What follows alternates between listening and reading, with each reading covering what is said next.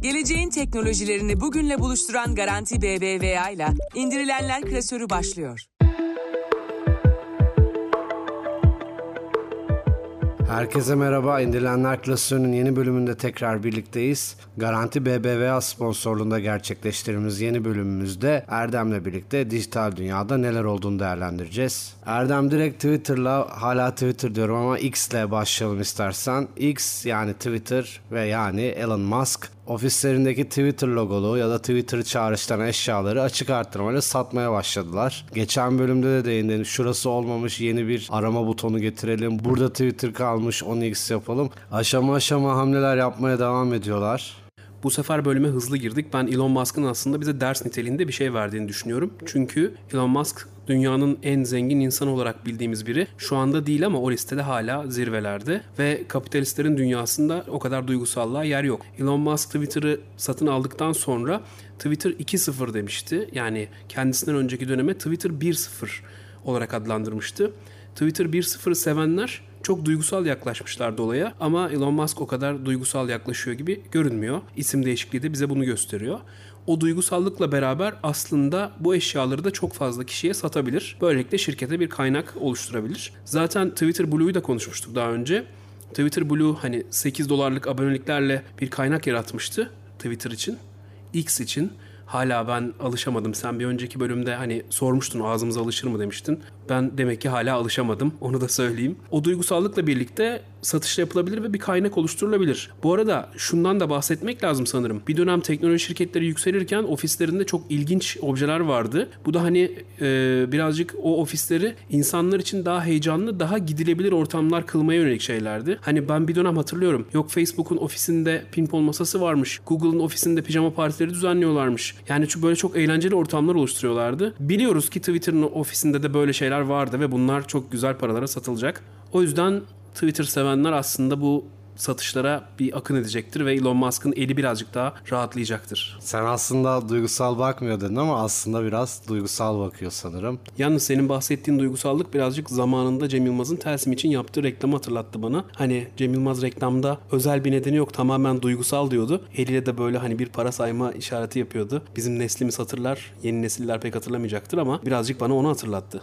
Kesinlikle Elon Musk duygusallığı çok iyi bir şekilde paraya yontmuş, evriltmiş diyebiliriz. Bu arada Erdem her hafta birbiriyle benzerliklerini tartıştığımız platformlar bu doğrultuda ilerlemeye devam ediyorlar. Yeni bir özellik WhatsApp'a screen share geldi ve platform gitgide Zoom'a işte Google'ın Meet'sine de benzemeye başladı böylelikle. Bir yani toplantı konseptinde veya iletişim, görüntülü iletişim konseptinde yeni bir akım getirdi. Dosyalar, sekmeler, işte browser üzerinden ya da ekranın tamamı paylaşılabilecek. iOS ve Android'e geldiğini okumuştum bu yeniliğin. Neler düşünüyorsun bu konu hakkında? Artık toplantılarımız arasında Zoom linki mi geldi, Meet linki mi gitti derken şimdi bir de WhatsApp'tan mı yapacağız konusu gündemde. Neler düşünüyorsun? Yani sürekli konuştuğumuz o sosyal medya platformlarının birbirine benzemesi işi birazcık profesyonel dünyada da görmeye başlayacağımız bir durum haline geliyor galiba. WhatsApp'la beraber Slack, Zoom bunların birazcık papucu dama atılabilir. Çünkü WhatsApp çok daha yaygın bir platform. Google Meet aynı şekilde, FaceTime aynı şekilde. Yani burada screen share olması aslında sunumları yapabileceğiz demek ve bunların kaydını da alabileceğiz demek. Bu da önemli. Hani kaydını alıp daha sonra tekrar izleme, başkasına gönderebilme durumumuz e, gerçekten önem kazanacak. Bu arada hani sen zaten bütün detayları verdin nerede neredeyse. Ben şöyle bir ekstra bir şeyden bahsetmek istiyorum. Zoom hani o pandeminin en kötü koşulları arasında yükselen şirket, insanlar evden çalışmaya başladığı için yükselen şirket çalışanlarını ofise davet etmiş ve Nihan bununla ilgili bir haber yapmıştı Digital Age'de ve paylaşımına bir kullanıcı LinkedIn üzerindeydi sanırım. Yılın şakası tarzında bir yorum yapmıştı. Bu beni bayağı güldürdü. Yani Zoom'dan hiç beklemediğim bir hareket. Biraz ironik olmuş Erdem evet Zoom'un pandemi devi diyebileceğimiz Zoom'un böyle bir karar alması. Ben WhatsApp'ın ekran paylaşma özelliğinde de şunu kritik buluyorum. Bilmiyorum sen o şekilde mi kullanıyorsun ama ben bu kullanımın yaygın olduğunu düşünüyorum. Yani mesai saatlerimizde özellikle sekmelerimizden birinde web WhatsApp sürekli açık oluyor. Yani bu tamamen Slack'in işlevini boşa düşürmesi demek bile olabilir uzun vadede. Çok elimizin altında olan bir uygulama şirket hatlarımızdan ya da şahsi hatlarımızdan mesai süresince çoğu zaman WhatsApp web'de bulunuyor bulunuyoruz. O yüzden bu çok ciddi bir atılım ve yine meta yine yani threads tarafı yine bölümde değiniriz. Burada WhatsApp'ın hareketi birazcık platformları birleştirmek üzerine olabilir. Yani öyle düşünmüş olabilir. Çünkü bir tarafta Hani tipik bir ortamda Slack kenarda açık. Slack'ten mesajlaşırsın. Slack'in huddle özelliği var mesela. Hani iş yerinde başka bir masaya arkadaşının yanına gidip onu birazcık darlamak gibi bir özellik. Hani onu o amaçla çıkarmışlardı. Ama bir taraftan toplantı yapmak istediğinde ya Google Meet ya işte Zoom linki göndermek vesaire. WhatsApp aslında bunların hepsini birleştirebilir gibi duruyor. O da çok mantıklı. Eğer yasal olarak herhangi bir sorun çıkmıyorsa ki sosyal medyadan da bir sorun çıkmadığını gördük. Threads'i şunu bunu hani bir sürü platformu. E altyapısı var. Neden Meta bunu yapmak istemesin ki? Yani tamamen böyle basit bir bakış açısıyla aslında olayı bir mantığa oturtabiliyoruz. Geçtiğimiz bölümlerde bahsettiğin Threads'in Twitter'la kıyaslanması için çok erken olduğu konusu vardı Erdem ve Threads'i Twitter'la karşılaştırabilecek seviyeye gelmemiz için Threads'in daha birkaç fırın ekmek yemesi gerektiğini söylemiştin hatta. Threads de bunların üzerine bu geçen sürenin ardından bu eksiklerini gidermeye gayret ediyor diye görüyoruz. Burada aslında bu gelen özellikler belki Twitter için ve belki birçok platform için çok standart şeyler ama bir kere yüksek kalitede görsel paylaşım özellikleri ve beğenilenlerin yani karşı tarafın ve sizin beğenilenlerin olduğu segmenin görülebilmesi konusu yer alıyor. Yani az önce ifade etmeye çalıştığım gibi bunlar Twitter'a göre çok basic geliştirmeler, çok temel geliştirmeler. Bu bölüme biraz hızlı girdik. Hemen üçüncü konuya gelmiş olduk. Ama Threads de bu şekilde hızlı yükseliyor aslında. Threads'i bu zamana kadar aslında birazcık şöyle görüyordum ben. Bir platform vardı ortada ve bize sadece bizden bir şeyler paylaşmamızı istiyordu. Yani siz paylaşımı yapın, gerisi çok da önemli değil diyordu. Birazcık crash gibiydi. Herkesin kendi başına göre koştuğu, düzen olmayan bir yerdi. Şimdi yavaş yavaş toplamaya başlıyorlar. Hani burada şöyle bir oyuncak var, burada böyle bir oyuncak var. Şuradan şunu yapabilirsiniz, buradan bunu yapabilirsiniz gibi. Senin de söylediğin gibi artık beğenilen gönderileri görebileceğiz. Yüksek kalitede fotoğraf, video yükleyebileceğiz. Onun dışında artık hashtagler, arama altyapısı olacak. İşte web sürümü olacak mesela sadece uygulamadaydı. Takip edilenleri, takipçileri artık sıralayabileceğiz. En son beni kim takip etmiş, ben en son kimi takip etmişim ya da ilk beni takip eden kim gibi şeyleri görebileceğiz. Ee, bunlar aslında Twitter'da çok yıllardır olan şeyler baktığında. Ama bir taraftan da Threads'in gelişmesi için önemli şeyler. Bence Threads birazcık kullanıcısını bu yüzden kaybetti. Yani Twitter'ı kullanan insanlar Threads'e geçtiler. Baktılar hiçbir şey yok. Sadece bir alan var ortada ve herkes koşturuyor kafasına göre. E böyle olunca da bence biraz kullanıcılar kaçtı. O yüzden bunların bir noktada olması lazımdı. Bir noktada yakalayacaktı Meta ve böyle böyle yakalamaya başladı.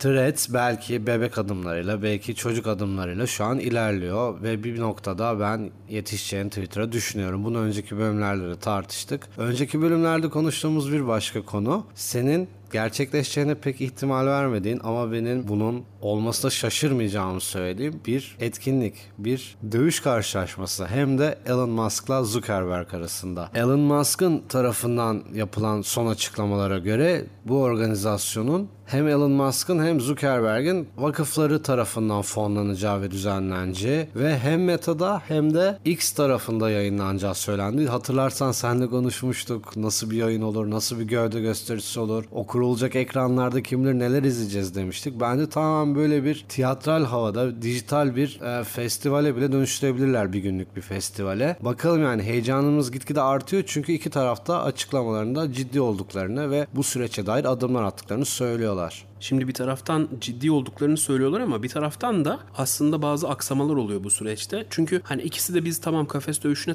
hazırız, yaparız demediler. Ee, mesela Zuckerberg geçen günlerde Elon Musk'ın ciddi olmadığını söylediği bir tweet attı ve aslında tweetinde şunu söyledi.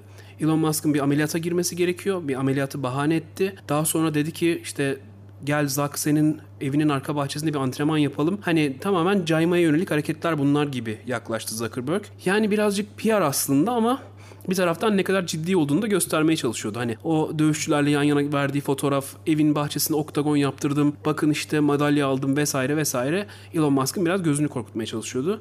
Sonra da zaten Elon Musk caydı dedi. Ama Elon Musk'tan bir karşı hamle geldi e, Mark Zuckerberg'in olduğunu tahmin ettiğim ve pek, pek çok insanın da inandığı bir Twitter hesabını etiketleyerek dedi ki Tesla'nın bir sonraki ki bugünlerde olacak aslında ya da siz bunu dinlediğinizde olmuş gerçekleşmiş olacak. Tesla'nın bir sonraki tam otonom sürüş testinde Zuckerberg'in evine gideceğim ve kapısını çalacağım dedi. Ve bu aslında senin meydan okumanı kabul ediyorum da demek. Bunu da aslında söylemiş oldu. Bu tweet'in atıldığı hesaba baktım ben. Elon Musk'ın hesabına. Acaba gerçek mi diye. Aslında çok basit. Yanında işte mavi tik var. Mavi tikin yanında Twitter'la ilişkili olduğunu gösteren bir sembol var. Hani şirketlerle ilişkili olunca böyle bir sembol koyuyorlar. Tamam buraya kadar tamam. Ama Elon Musk'ın hesabında daha önce görmediğim ya da başkalarının hesabında daha önce görmediğim bir şey vardı. Ondan bahsetmek istiyorum. Onaylı mı diye baktığımda tıkladığımda altta bir pop-up çıkıyor. Bilgilendirme pop-up'ı.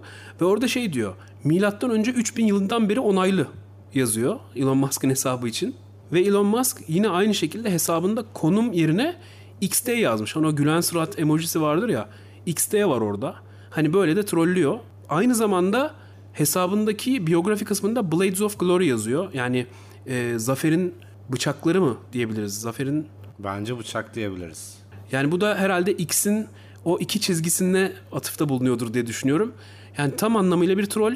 Baştan beri Zuckerberg'i trollemek üzere bir hamle de yapmış olabilir. Bence bu her türlü her iki şirketin de işine yarıyor. Ama ikisini Musk'ın istediği gibi tam böyle Roma İmparatorluğu tarzında yapılmış bir e, dekor karşısında bir Street Fighter Mortal Kombat şeyindeki gibi, görselindeki gibi karşı karşıya görmek isterim. Çok eğlenceli olur. Evet yani Elon Musk konseptin gladyatörden yani gladyatörlerden esinlenileceğine dair birkaç açıklamada bulundu diye gördüm.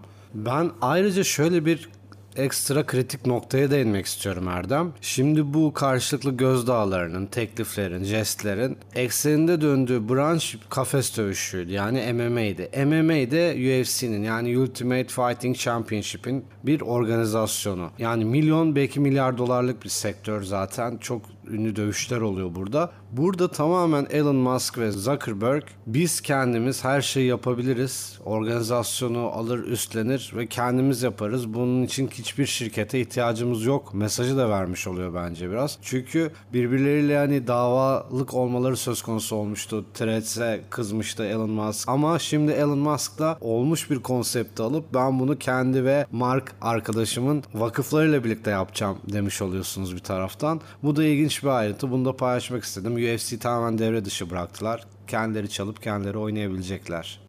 Biraz önce de söylediğim gibi bugün birazcık hızlı girdik aslında podcast kaydına. Konudan konuya çok hızlı atlıyoruz. Arada çok ilginç bilgiler geçti. Belki de bu kadar hızlı bir bölümümüz olmadı daha önce. Şimdi arada unutmadan ben sponsorumuzdan gelen mesajı sizlerle paylaşmak istiyorum. Şimdi para transferi yapmak için o banka uygulamasına gir. Hesaplara bakmak için bu banka uygulamasına gir. Post hareketlerini görüntülemek için şu banka uygulamasına gir. Söylerken bile yoruluyor insan. Neyse ki Garanti BBVA Mobil ile tüm banka hesaplarımız, post hareketlerimiz artık tek bir yerde. Bir sonraki gündem maddemiz Disney Plus'a gelen zam haberi ve e, henüz Türkiye'ye yansımadı sanıyorum ama pek çok insanın aslında Disney Plus'a karşı bir tepki göstermesine yol açacak bir haber olduğunu düşünüyorum. E, sanıyorum 10.99 dolardan 13.99'a Erdem evet gün geçmiyor ki bir dijital abonelik zam haberiyle daha karşılaşmayalım. Disney'in bu yaptığı yakın dönemde ikinci zam. Biraz haberin bu noktasından da bakmak gerekiyor diye düşünüyorum. Yanlış hatırlamıyorsam Eylül ya da Ekim ayında bir zam daha yapmışlardı. Senin az önce belirttiğin 10.99 seviyesine 7 dolar bandından gelmişlerdi. Bununla birlikte diğer rakiplerinin yaptığı gibi de şifre paylaşım yani tek kullanıcı hesabından farklı kişilerin kullanmaması yönelik adımlar ve hamleler de yapmaya başladılar. Ben Disney Plus'ı hiç denk getirip kullanamadım açıkçası Erdem. Samimi olmak gerekirse dinleyicilerimizle de. Heveslendiğim, merak ettiğim bir platform oldu içindeki bazı yapımlardan dolayı ama henüz bir abonelik kullanmadım. Ben daha çok Netflix ve e, Prime tarafındaydım. Şimdi bu zamlar geçen bölümde de konuştuğumuz dijital aboneliklerimizin sayısında düşüş trendi yaratabilir. Çünkü henüz buraya yansımadı ama oradaki 3 dolarlık fark buradaki çarpan etkileriyle ve vergilerle birlikte çok ciddi şekilde yansıyor bize. E son olarak bu ay benim telefon faturamda da ben vergi artışlarından dolayı değişik bir rakam gördüm. E, bu vergiler internet tarafında da geçerli, platformlar tarafında da geçerli. Hani oradaki 3 dolarlık fark burada belki 10 dolar 20 dolarlık fark bile yapabiliyor bazı durumlarda. Açıkçası ben de senin gibi Disney Plus'ı bir noktada denemek istiyordum. Kendime şöyle bir kısıtlama koydum onu söyleyeyim önce. Mesela video servislerinden sadece bir tanesine üye olacağım ve hani onu bir süre kullandıktan sonra onu kapatıp başka bir servise geçeceğim gibi bir e, kısıtlamam var kendimce koyduğum. Sebebi de şu senin de belirttiğin gibi bu abonelikler üst üste geldiklerinde yani ücretleri üst üste bindiğinde çok ciddi meblağlara ulaşıyor. Bunu sadece hani Spotify gibi, Netflix gibi, Amazon gibi, Disney gibi ya da diğer platformlar gibi değerlendirmemek lazım. Bunun hani ev interneti, cep telefonu faturalarımız, ee, bunlar da üstünde. Tabii ki işte başka faturalar ödeme vesaire gibi durumlarımız da var. Bunlar üst üste geldiğinde insana ciddi bir maddi yük oluşturuyor. Disney Plus'ı aslında tam deneyebileceğim aralıktaydım. Çünkü Netflix'ten vazgeçtim. Netflix'i kapattım. Çünkü tek hesapla birden fazla kişi izleyemiyor artık. Ben ailemle birlikte kullanıyordum ve onlar izleyemeyince ben de tek başıma çok fazla aslında vaktim olmadığını düşününce bunun hani aslında gerekli olmadığının farkına vardım ve kapattım. Disney'i sadece hani denemek için açacaktım. Ama Atatürk dizisiyle ilgili bir gelişme yaşandı. Disney'den bir açıklama yapıldı ve Atatürk dizisinin Disney Plus üzerinde yayınlanmayacağı, yine aynı medya şirketine bağlı Fox TV'de yayınlanacağı, daha sonra sinemada yayınlanacağı vesaire gibi şeyler paylaşıldı. O yüzden de aslında Disney Plus'ı denemek gibi bir hevesim, bir düşüncem vardı. Ondan da vazgeçmiş oldum. Sebebi de birazcık aslında Atatürk'ün bizim kırmızı çizgimiz olmasıyla alakalı. Çünkü başka bir dizi iptal edilmiş olsaydı bu kadar tepkili olmazdık ama şu an hani milletçe Disney'e karşı bir tepki içerisindeyiz. Bence bu çok doğru bir tepki. Hani işin arka planı birazcık tartışılabilir ama hani bu kadar büyük bir prodüksiyon, bu kadar insanlarda bir beklenti yaratan bir prodüksiyon diğer bütün içerikler kalksa bile en azından onun yayınlanması gerektiğini düşünüyorum. Şimdi hani ortada çok bariz olan bir şey var. Ona da değinmek lazım. Bu dizinin yayınlanmayacağının açıklanmasından sonra insanlar bir arkasında bunun bir lobi olup olmadığını aslında konuşmaya başladılar. Amerika'da bir Ermeni lobisinin e, bu konuyla ilgili bir etkisinin olabileceğine dair. Yani burada şimdi şöyle olmuştur, böyle olmuştur demenin çok bir mantığı yok diye düşünüyorum. İşi çok siyasileştirmenin anlamı yok. Ama e, herhangi bir dahli olmasa bile bu lobinin işine yaradığı kesin. Çünkü onlar da bir şey paylaşmaya başladılar. Ama bir taraftan da Türkiye'den başka içerikler de yayınlanmayacak ya da işte yayından kaldırılıyor gibi de bir durum var.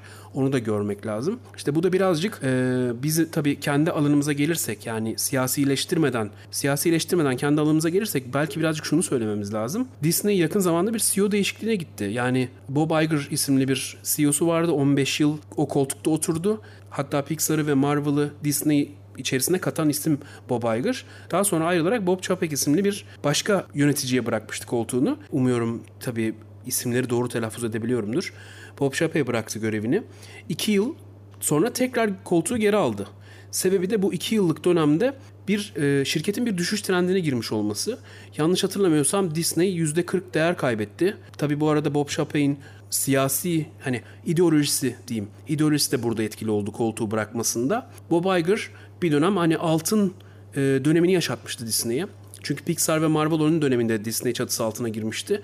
Şimdi tekrar başarılı olacağı düşünülürken Disney hala böyle bir düşüşte, bir sallantıda vesaire bunlar konuşuluyor. Yani başarısızlık sadece Türkiye'de değil ama Türkiye'de bu Atatürk dizisi de aslında birazcık ateşe biraz benzin dökmek gibi oldu. Yani bu pazarda belki daha iyi bir varlık elde edebilirlerdi ama artık edebilecekler gibi durmuyor ki zaten burada var olmaya devam edecekse hani bir diziyi koskoca bir platformda barındırmak çok zor olmasa gerekti diye düşünüyorum. Tabii ki bizim de bu arada Disney maceramız başlamadan bitmiş oldu. Çünkü ben bu platforma bu durumda abone olmayı düşünmüyorum. Geçen hafta kitaplardan daha doğrusu okuduğunuz kitapların ve diğer kitap okuyucularının içeriklerini görebildiğiniz, tartışmalarına katılabildiğiniz bir uygulamadan bahsetmiştik. Fable'dan bahsetmiştik. Bu hafta ise biraz farklı ama yine kitap severlerin ilgisini çekebilecek Libib uygulaması var. Bu uygulama kendi kütüphanenize dair notlarınızı ve arşiv bilginizi güncel şekilde tutmanızı, kitaplarınız hakkında notlar almanıza yarayan bir kütüphane yönetim uygulaması diyebiliriz sanırım Erdem. Özellikle beni cezbeden tarafı dinleyicilerimizle paylaşmadan önce kitaplarınız hakkında alabildiğiniz notlar. Ben özellikle kitapların üzerine yazmayı, çizmeyi hani başındaki imza kısmı dışında tercih etmeyen biriyim. Kitaplara yazıp çizmiyorum.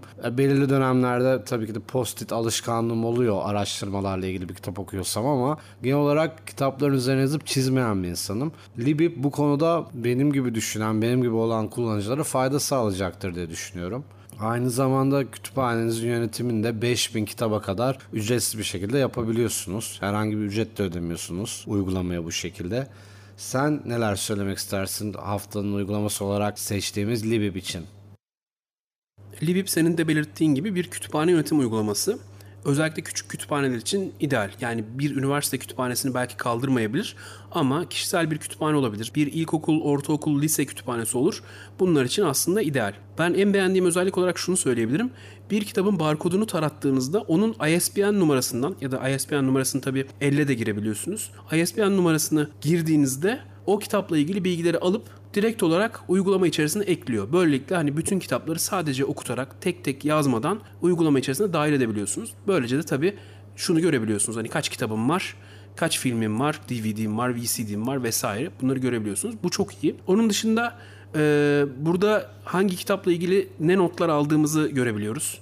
O önemli.